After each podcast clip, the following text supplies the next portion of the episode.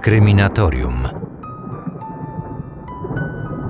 Dochodziła godzina w pół do drugiej w nocy 17 lipca 1918 roku, gdy w Jekaterynburgu carski lekarz obudził cara Mikołaja II, jego żonę Aleksandrę oraz pięcioro ich dzieci. Wszyscy oni zostali poinformowani o czekającej ich natychmiastowej ewakuacji w bezpieczniejsze miejsce. Powodem tego pośpiechu miały być wywołane w mieście zamieszki. Od czasu swojej abdykacji, gdy władzę w Rosji przejęli bolszewicy, carska rodzina Romanowów przetrzymywana była przez nich w zamknięciu.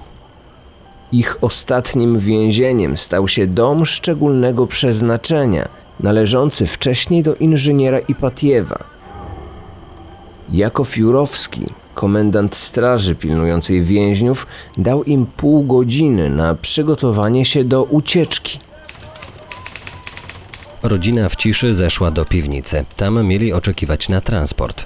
Córki carskiej pary, wielkie księżne rosyjskie, 22-letnia Olga, 20-letnia Tatiana, 18-letnia Maria oraz 16-letnia Anastazja stanęły obok siebie przy ścianie. Przed nimi na krzesłach siedziała ich matka oraz brat, 13-letni carewicz Aleksy. Obok nich stał Mikołaj II. Do Romanowów dołączyła ich wierna służba, kamerdyner, pokojówka, kucharz, a także lekarz. Jeśli ktokolwiek z nich miał wtedy jeszcze nadzieję na poprawę swojego losu, to rozwiał ją Jakow Jurowski, który odczytał carowi rozkaz Komitetu Wykonawczego Rady Uralskiej o rozstrzelaniu całej rodziny. Kilka sekund później rozpoczęła się rzeź, którą zagłuszyć miały pracujące nieopodal silniki ciężarówek. O przebiegu egzekucji Jurowski informował w szczegółowym raporcie. Wystrzeliłem pierwszy. Mikołaj zginął na miejscu. Strzelanina trwała bardzo długo i mimo moich nadziei, że drewniana ściana nie będzie rykoszetować, kule się od niej odbijały. Długo nie udawało mi się zatrzymać tego strzelania, które nabrało bezładnego charakteru. Kiedy w końcu udało mi się je zakończyć, zobaczyłem, że wiele osób jeszcze żyje. Lekarz leżał na łokciu, wykończyłem go strzałem z rewolweru. Aleksiej, Tatiana, Anastazja i Olga również żyli. Towarzysz Jermakow chciał zakończyć sprawę bagnetem. To się jednak nie udawało. Byłem zmuszony po kolei każdego rozstrzeliwać. Egzekucji nie przeżył nikt. Tamtej tragicznej nocy zakończyła się trwająca 300 lat dynastia Romanowów. Ciała zamordowanych zostały w tajemnicy wywiezione, zbezczeszczone i pogrzebane w nieoznakowanym miejscu. O tym wydarzeniu świat miał się nigdy nie dowiedzieć. Po śmierci Mikołaja II i jego rodziny nastały w Rosji mroczne lata, w których swoje krwawe rządy czerwonego terroru zaprowadzili bolszewicy. Jednym z nich był Piotr Wojkow, członek Komitetu Wykonawczego Rady Uralskiej, która podjęła decyzję o ostatecznym wyeliminowaniu Romanowów. Ten zagorzały komunista i rewolucjonista przez kolejne lata z dumą rozpowiadał dookoła, że brał udział nie tylko w planowaniu egzekucji cara, ale i w jej przeprowadzeniu. Kryminatorium. Otwieramy akta tajemnic. Dziewięć lat później Piotr Wojkow, już jako poseł pełnomocny ZSRR w Warszawie, pełnił funkcję ambasadora tego kraju w Polsce. 7 czerwca 1927 roku przybył na warszawski dworzec główny, aby spotkać się z Arkadiuszem Rosenholcem, powracającym tego dnia z Londynu do Moskwy pełnomocnikiem rządu Związku Radzieckiego. Został on wydalony z Wielkiej Brytanii po szpiegowskim skandalu dyplomatycznym z jego udziałem. Rosenholca czekała w Warszawie przesiadka i blisko godzinna przerwa w podróży. Towarzystwa miał mu dotrzymać właśnie Wojkow. Pięć minut przed godziną dziesiątą obaj posłowie udali się na peron dworca. Pociąg do Moskwy już czekał. O tym, co wydarzyło się kilka sekund później, informowała policyjna notatka służbowa.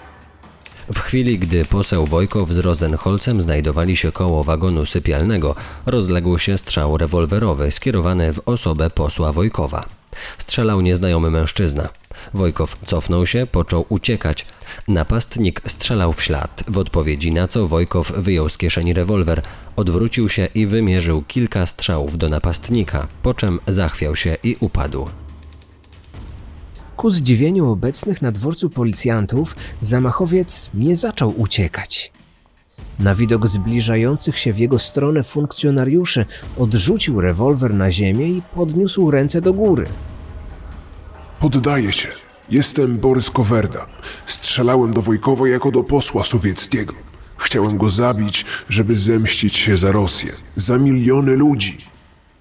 Kowerda po dobrowolnym oddaniu się w ręce policji został natychmiast aresztowany. Do wiadomości publicznej podano informację, że kierował nim motyw polityczny zemsta za ofiary bolszewickiego terroru. Zwrócono również uwagę na to, że ubiegał się on o rosyjską wizę, której mu odmówiono. Wojkowowi została udzielona pierwsza pomoc medyczna, po czym został przewieziony do szpitala. Pół godziny później zmarł. Tę historię, która nadal w wielu miejscach jest owiana tajemnicą, wykorzystuje Marek Krajewski w swojej najnowszej powieści zatytułowanej Pomocnik Kata. I to właśnie ta książka jest partnerem naszego dzisiejszego odcinka. Pomimo zapewnień strony polskiej, Sowieci nie chcieli uwierzyć, że zamachowiec działał sam. Zwracali uwagę na fakt, że data przejazdu Rosenholca nie została podana do wiadomości publicznej, a co za tym idzie, Borys Kowerda nie mógł wiedzieć, że właśnie tego dnia Wojkow pojawi się na dworcu. Rosyjskie biuro prasowe wydało też odpowiedni komunikat. Telegram o przejeździe Rosenholca przez Warszawę nadszedł dopiero poprzedniego wieczoru. Choć nie był zaszyfrowany, o jego nadejściu wiedzieli tylko najbliżsi współpracownicy zmarłego posła. W ten sposób już teraz istnieje możliwość stwierdzenia, że albo poseł był obiektem specjalnie zorganizowanej obserwacji, albo że zabójca został uprzedzony przez jakieś źródło zewnętrzne o nadchodzącym przyjeździe. Choć wcześniej Wojkow oficjalnie odmówił wszelkiej ochrony osobistej podczas pełnienia swoich obowiązków w Warszawie, rząd sowiecki oskarżył Polskę o haniebne zaniedbania w kwestii zapewnienia bezpieczeństwa zagranicznym posłom. W nocie dyplomatycznej przekazanej posłowi RP w Moskwie rozszerzono oskarżenia nie tylko o tolerowanie działalności rosyjskich kontrrewolucjonistów w Polsce, ale wręcz o ich ochocze wspieranie. Trudno uwierzyć, ażeby kilkunastoletni Borys Kowerda tylko pod wpływem zemsty osobistej za niewydaną wizę zabił człowieka. Przyczyn tego faktu należy raczej szukać gdzie indziej. Co się zaś tyczy Polski, to zła strona leży w tym, że w Polsce rozwielmożniły się sfery antysowieckie, które zasadniczo popierają i wykonują terrorystyczne zamachy. Strona polska, próbując załagodzić dyplomatyczny konflikt, zdecydowała się wydalić z kraju sześciu przedstawicieli antysowieckiej emigracji. Dla Sowietów było to jednak za mało. Po ogłoszeniu przez nich, że zamach na Wojkowa miał być zemstą za jego udział w egzekucji rodziny cara Mikołaja II, w Moskwie stracono bez procesu 20 byłych dygnitarzy z czasów Imperium Rosyjskiego.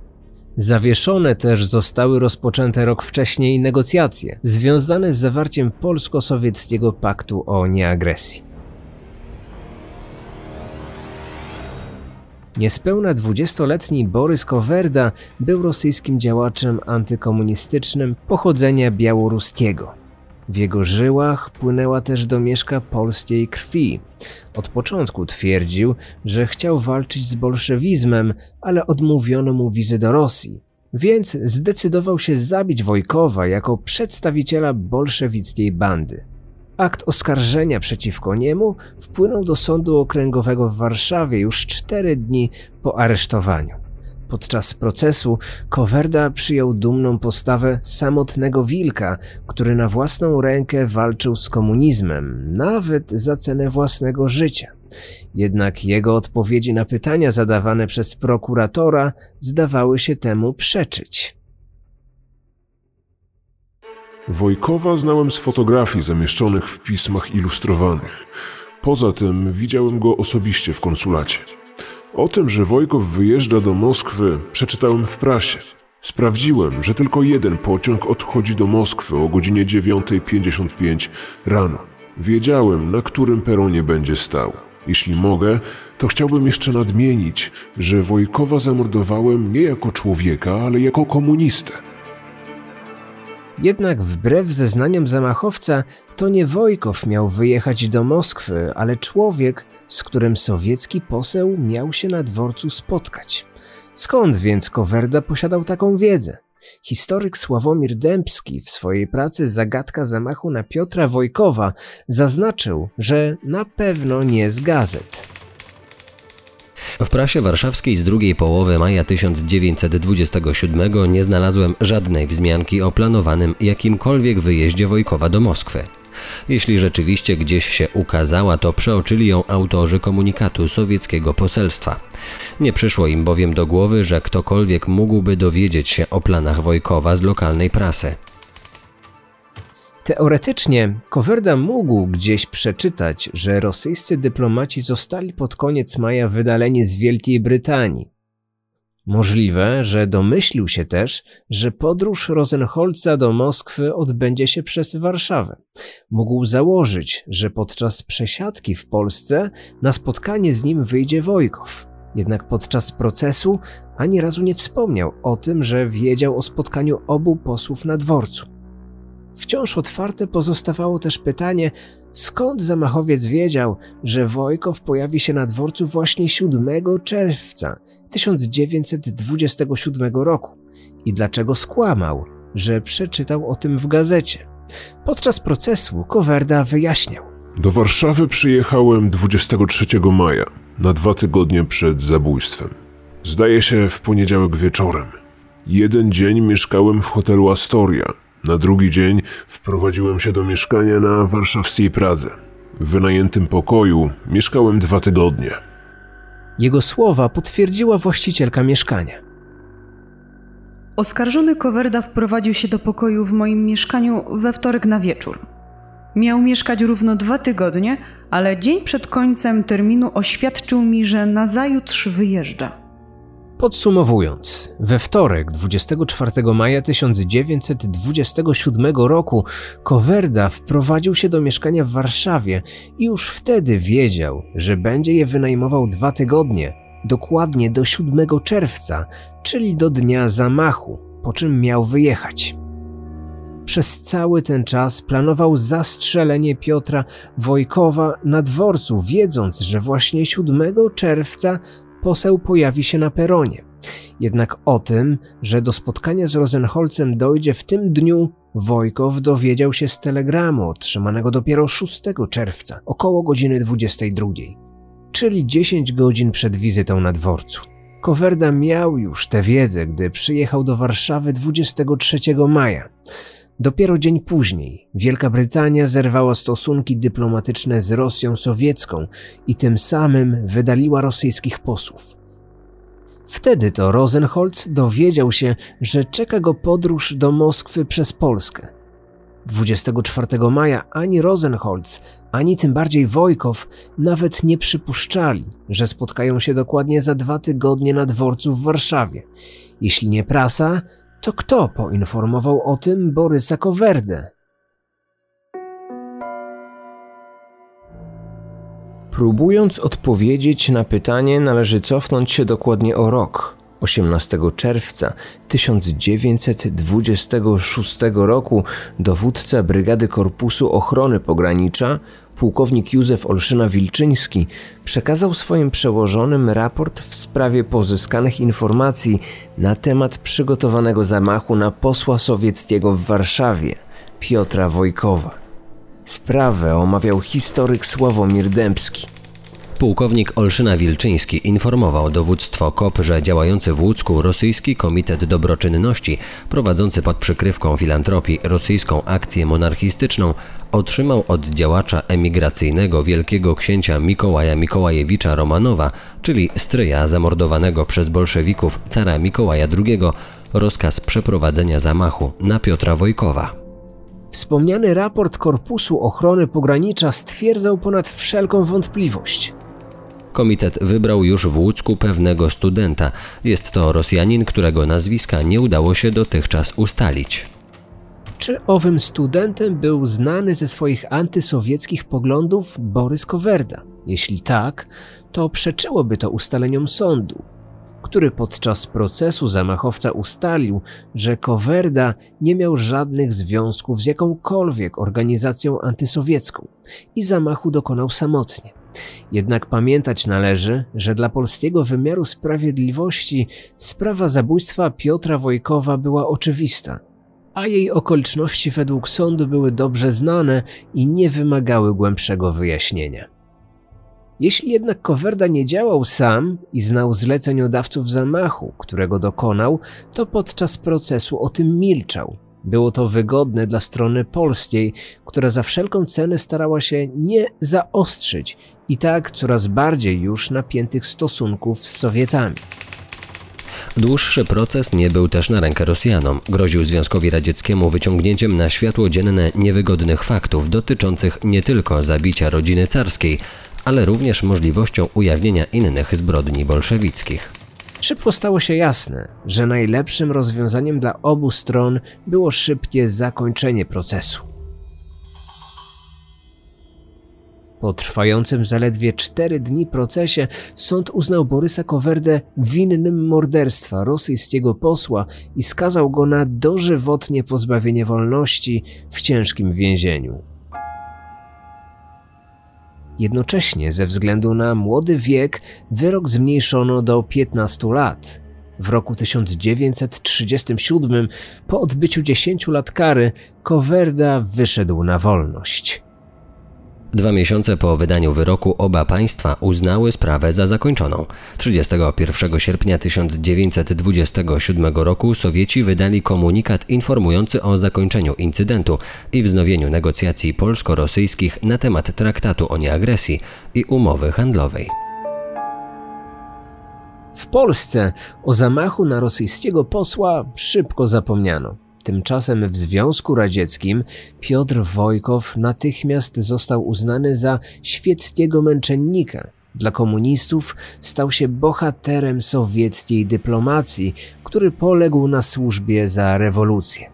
Jego imieniem nazywano ulice, place i stacje metra. Twarz Wojkowa widniała na znaczkach pocztowych.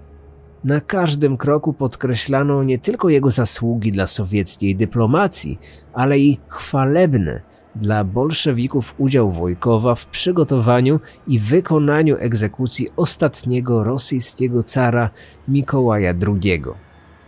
Po latach okazało się jednak, że ten tak często powtarzany przez Wojkowa fragment jego życiorysu został najzwyczajniej w świecie zmyślony i to przez niego samego. W sprawie domniemanego udziału Wojkowa w egzekucji Romanowów przeprowadzono dwa śledztwa. Opierały się głównie na oryginalnych raportach spisanych przez głównego organizatora egzekucji, Jakowa Jurowskiego oraz innych uczestników spisku. Zbadano także relacje naocznych świadków tych wydarzeń. Pierwsze śledztwo odbyło się niespełna dwa lata po zamordowaniu carskiej rodziny i było dziełem antybolszewickiej opozycji emigracyjnej.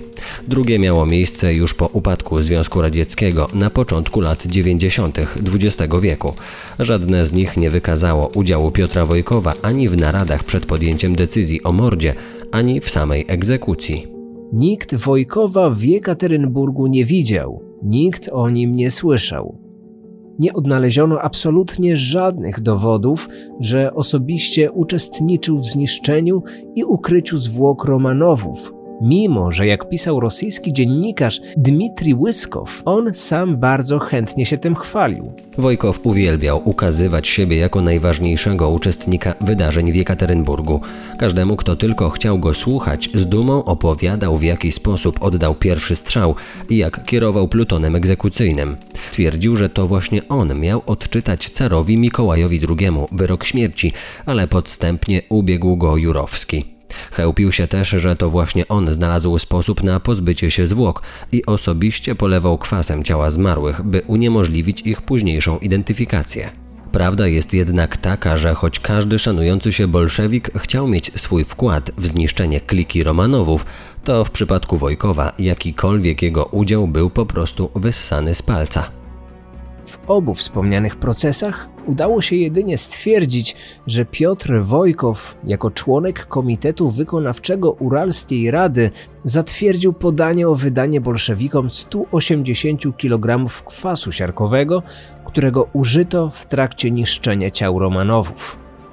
Na tym jego udział w egzekucji carskiej rodziny się skończył. Nie mógł być to też faktyczny powód zamachu na jego życie, co uparcie twierdziła sowiecka propaganda. Zresztą sam Borys Kowerda nigdy o takim powodzie nie wspomniał, ani podczas przesłuchania, ani w późniejszym procesie.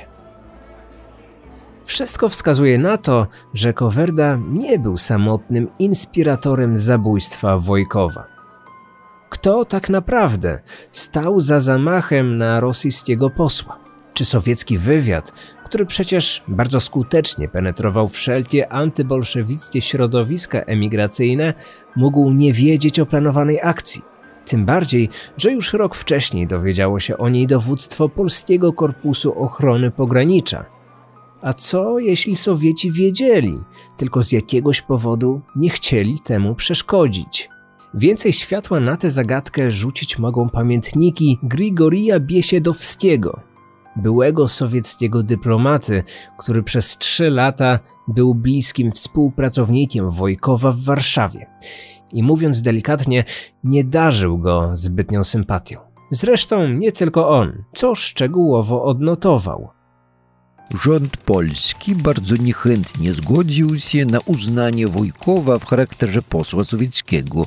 Pogłoski o jego udziale w egzekucji cara Mikołaja II sprawiły, że polska prasa podjęła ostrą kampanię przeciwko jego nominacji. Ministerstwo Spraw Zagranicznych oświadczyło Moskwie, że wolałoby inną kandydaturę, lecz Politbiuro było uparte. Biesiedowski nie krył, że ma o Wojkowie jak najgorsze zdanie. Otwarcie uważał go za pospolitego pijaka, prostaka, kłamcę oraz kobieciarza. Główną wadą jego była wygórowana czułość do płci pięknej. Myślę, że nosiła ona nawet charakter patologiczny. W swoich pamiętnikach opisał, jak plotki o bujnym życiu towarzyskim Wojkowa szybko dotarły do Moskwy. Jeden z wysokich rosyjskich urzędników został nawet wysłany do Warszawy, aby przemówić rosyjskiemu posłowi do rozumu. Towarzyszu Wojkow, doszły do nas słuchy, że prowadzicie się w sposób nieprzystający do państwowego urzędnika. Włóczycie się nocami po ciemnych zakamarkach i parkach. Widuje się was nader często w towarzystwie szemranych dam. Czy dlatego zrezygnowaliście z przysługującej wam osobistej ochrony, aby nocami oddawać się towarzyskim uciechom bez świadków? Wybaczcie, ale to, co robię prywatnie i z kim, to moja osobista sprawa. Zaświadczam, że z tego powodu służbowych moich obowiązków nie zaniedbuję. Do waszego prywatnego życia Moskwa mieszać się nie zamierza. Ministerstwo przysłało mnie jednak, aby uprzedzić pana posła, że w ciemnych uliczkach łatwo jest się narazić na pobicie lub pchnięcie nożem, zwłaszcza w kraju, gdzie się tak ochoczo wspiera antysowieckich zdrajców. Czy rozumiecie, co chcę przez to powiedzieć? Rozumiem troskę i zapewniam, narażać mojego zdrowia i życia nie zamierzam. Obiecuję też dobrego imienia ani swojego, ani mojej ojczyzny nie szargać. Doskonale, towarzyszu Wojkow. I pamiętajcie jedno: żona wasza może nie wiedzieć, co i z kim wyprawiacie, ale my w Moskwie wiemy wszystko i o wszystkich. A na jakikolwiek skandal zareagujemy i szybko, i ostro. Interwencja Moskwy zakończyła się jednak tylko połowicznym sukcesem. Wojkow przestał co prawda włóczyć się nocami po parkach, ale zamiast tego wynajął pokój w hotelu. I właśnie tam sprowadzał przygodnie poznane kobiety. Wkrótce popadł w kolejne kłopoty. Żona Wojkowa, chcąc błyszczeć obok męża na politycznych salonach, zaczęła domagać się natychmiastowego wprowadzenia jej do towarzystwa dyplomatycznego. Rosyjski poseł próbował wszelkimi sposobami wymusić na polskich władzach spełnienie tej zachcianki, czym popadł w ostry konflikt z ministrem spraw zagranicznych. Jakby tego było mało, niedługo później Wojkow stał się głównym podejrzanym w sprawie zniknięcia kilku tysięcy dolarów z sejfu w biurze rosyjskiego poselstwa. Choć zapewniał swoich przełożonych, że spalił pieniądze nieświadomie przy niszczeniu tajnych dokumentów, nikt w Moskwie mu nie uwierzył. Sprawa została skierowana do Głównej Komisji Kontroli, która zarzuciła posłowi oprócz malwersacji finansowych również niedbałe przechowywanie tajnych stenogramów.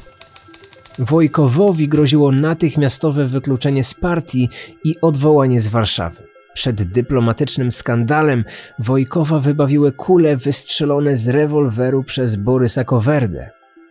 Nieoczekiwana śmierć posła sprawiła, że sowieckie władze nie tylko zapomniały o jego występkach, ale uhonorowały go przez uroczysty pogrzeb w murach Kremla. Komunistyczna propaganda zrobiła z niego bohatera, ale w Moskwie nikt nie ukrywał, że nastąpiło to wyłącznie ze względów politycznych dla oczu świata zachodniego. Przez ostatni rok swojego życia Piotr Wojkow stał się niewygodny już nie tylko dla polskich władz i rosyjskich kręgów antykomunistycznych. Sprawiał też sporo kłopotów swoim partyjnym towarzyszom. Każdej ze stron zaczęło zależeć na tym, aby się go pozbyć, a winę za jego zniknięcie zwalić na politycznych przeciwników. Historyk Sławomir Dębski na potwierdzenie tej tezy przedstawił ściśle tajny raport z listopada 1926 roku, jaki na ręce naczelnika Wydziału Wschodniego MSZ złożył Stefan Litauer, polski dziennikarz i radca prasowy Ministerstwa Spraw Zagranicznych.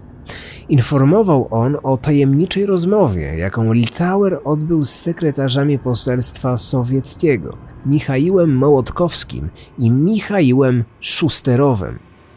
W rzeczywistości obaj mężczyźni byli pracownikami rosyjskiego wywiadu. Panie Stefanie, nasz dotychczasowy poseł w Meksyku właśnie wrócił do Moskwy. Chcielibyśmy się od pana dowiedzieć, czy jego kandydatura byłaby ewentualnie do przyjęcia dla rządu polskiego, gdyby rząd sowiecki zamierzał mianować go posłem w Warszawie w razie e, powiedzmy nieoczekiwanego ustąpienia pana Wojkowa? Jakże to panowie? Zdziwiony jestem takim zapytaniem, zważywszy na fakt, że gdy rząd polski sprzeciwiał się nominacji Wojkowa, to właśnie rząd sowiecki bardzo się przy nim upierał. Można wręcz powiedzieć, że wymusiliście jego nominację siłą. Ależ, panie Stefanie, Znamy się przecież nie od dziś. Sam pan rozumie, że i świat idzie do przodu, i ludzie się zmieniają. To jeszcze nic pewnego, ale w dyplomacji nie sposób przewidzieć, co się może wydarzyć i komu. I jakby to panu powiedzieć, przecież pan Wojkow wiecznie w Warszawie siedzieć nie będzie. Stefan Litauer aż za dobrze znał swoich rozmówców. Wiedział więc doskonale, do czego zdolny jest rosyjski główny zarząd wywiadowczy. Swój tajny raport zakończył słowami. Z rozmowy wyniosłem silne wrażenie, że pozycja pana Wojkowa u Sowietów nie jest zbyt silna i w związku z tym możliwe jest jego usunięcie przez bolszewików. Dokument ten wskazuje, że kilka miesięcy po tym, jak stryj cara Mikołaja II wydał rozkaz dokonania zamachu na Wojkowa, sowiecki wywiad wojskowy próbował sprawdzić nieoficjalnym kanałem, jak na nagły brak Wojkowa może zareagować strona polska. Dowodzić to może faktu, że Sowieci, wiedząc o zamiarze zamordowania Wojkowa przez swoją organizację antybolszewicką, postanowili swoim wrogom po prostu nie przeszkadzać, by w białych rękawiczkach pozbyć się kłopotliwego dyplomaty. I przy okazji wykorzystać jego męczeńską śmierć do rozprawienia się z antysowiecką emigracją w Polsce. Kto jak kto, ale Sowieci wiedzieli najlepiej, jak upiec dwie pieczenie na jednym ogniu. Ukraińska historyk Oksana Babienko w swojej książce o stosunkach polsko-radzieckich potwierdzała to wprost – Józef Stalin tuż po zamordowaniu Piotra Wojkowa wydał rozkaz, aby strona rosyjska nie mieszała się do polskiego śledztwa w sprawie zamachu, ale zamiast tego usilnie dążyła do wykorzystania zaistniałej sytuacji do szybkiego i bezlitosnego zwalczania członków antysowieckiej opozycji przebywających w Polsce. Wiele wskazuje na to, że wbrew temu, co od 93 lat głosi oficjalna wersja wydarzeń, niespełna 20-letni Borys Kowerda był tylko nieświadomym niczego pionkiem w politycznej grze dwóch wrogich sobie stron. Jego nienawiść do bolszewików została wykorzystana przez antysowiecką opozycję do pozbycia się znienawidzonego przez nich Piotra Wojkowa. A kto wie, może bolszewicy nie tylko o zamachu wiedzieli, ale to właśnie oni byli prawdziwymi jego inspiratorami. Wiele jest jeszcze do odkrycia w tej pełnej zagadek historii. Część z nich próbuje rozwiązać Marek Krajewski w swojej najnowszej powieści zatytułowanej Pomocnik Kata, która nawiązując do zamachu Piotra Wojkowa wprowadza czytelników w zakulisowe rozgrywki dwóch wywiadów – Dają też własne, ciekawe rozwiązanie najważniejszych wątków. Dlaczego Kowerda zdecydował się na zamach właśnie tam i właśnie wtedy? Skąd wziął broń i do czego mogło to doprowadzić? Kryminatorium. Otwieramy akta tajemnic.